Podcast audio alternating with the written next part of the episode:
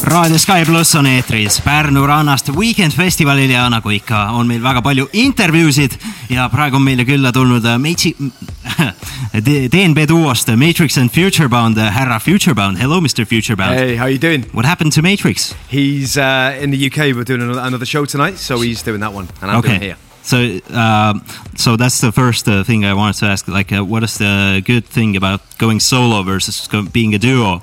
The first thing is you can do, do two gigs at once, I guess. Yeah, yeah. I mean, that's that's the advantage, uh, the good side. Uh, but the downside is it's, you, you're not vibing together. You know what I mean? It's always good to be behind the, the decks on, on stage, and you're just kind of competing with each other almost. You know? Really? Yeah. You're yeah. not working together? well, yeah, you are working together, but you're.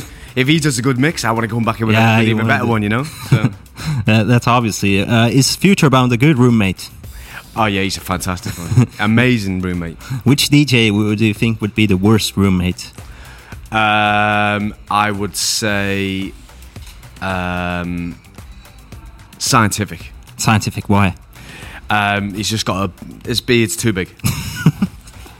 Is that really a concern for you? Well, you're Yeah. well shaved at least. yeah, I'm well shaved. You see, you don't like a beard? No, I've got nothing against beards. Just don't come too close to me. and when you, when, you know, Uh, I, I won't come then. yeah, all right, okay. but but I, I also shaved to my. Uh, which DJ is the most humble? The most humble DJ, uh, Matrix and Future Band, probably. Oh, really? Um, Who are they?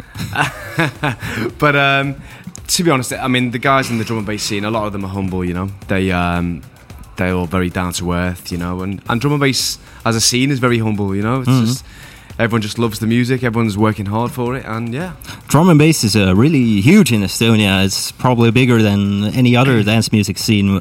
Uh, where else is uh, there a big drum and bass scene? Austria is massive. Austria? Uh, yeah, Austria. Um, but yeah, you guys have always had a great scene here. Um, I, tomorrow I leave to go to Czech Republic, and we're doing a big festival called Let It Roll over there. It's like thirty thousand people, all drum and bass, every stage. Have you been to Estonia before? I have, yes, uh, about five or six times. i I've actually got a bad story on the first time I came. Okay. I Tell- tell me well, the about fir- My first time in Estonia, um, I got to the airport the day after the show. Amazing show, blown away by it. Uh, lost the passport and could not leave the country. Oh my! And the, the British embassy wasn't open until Monday.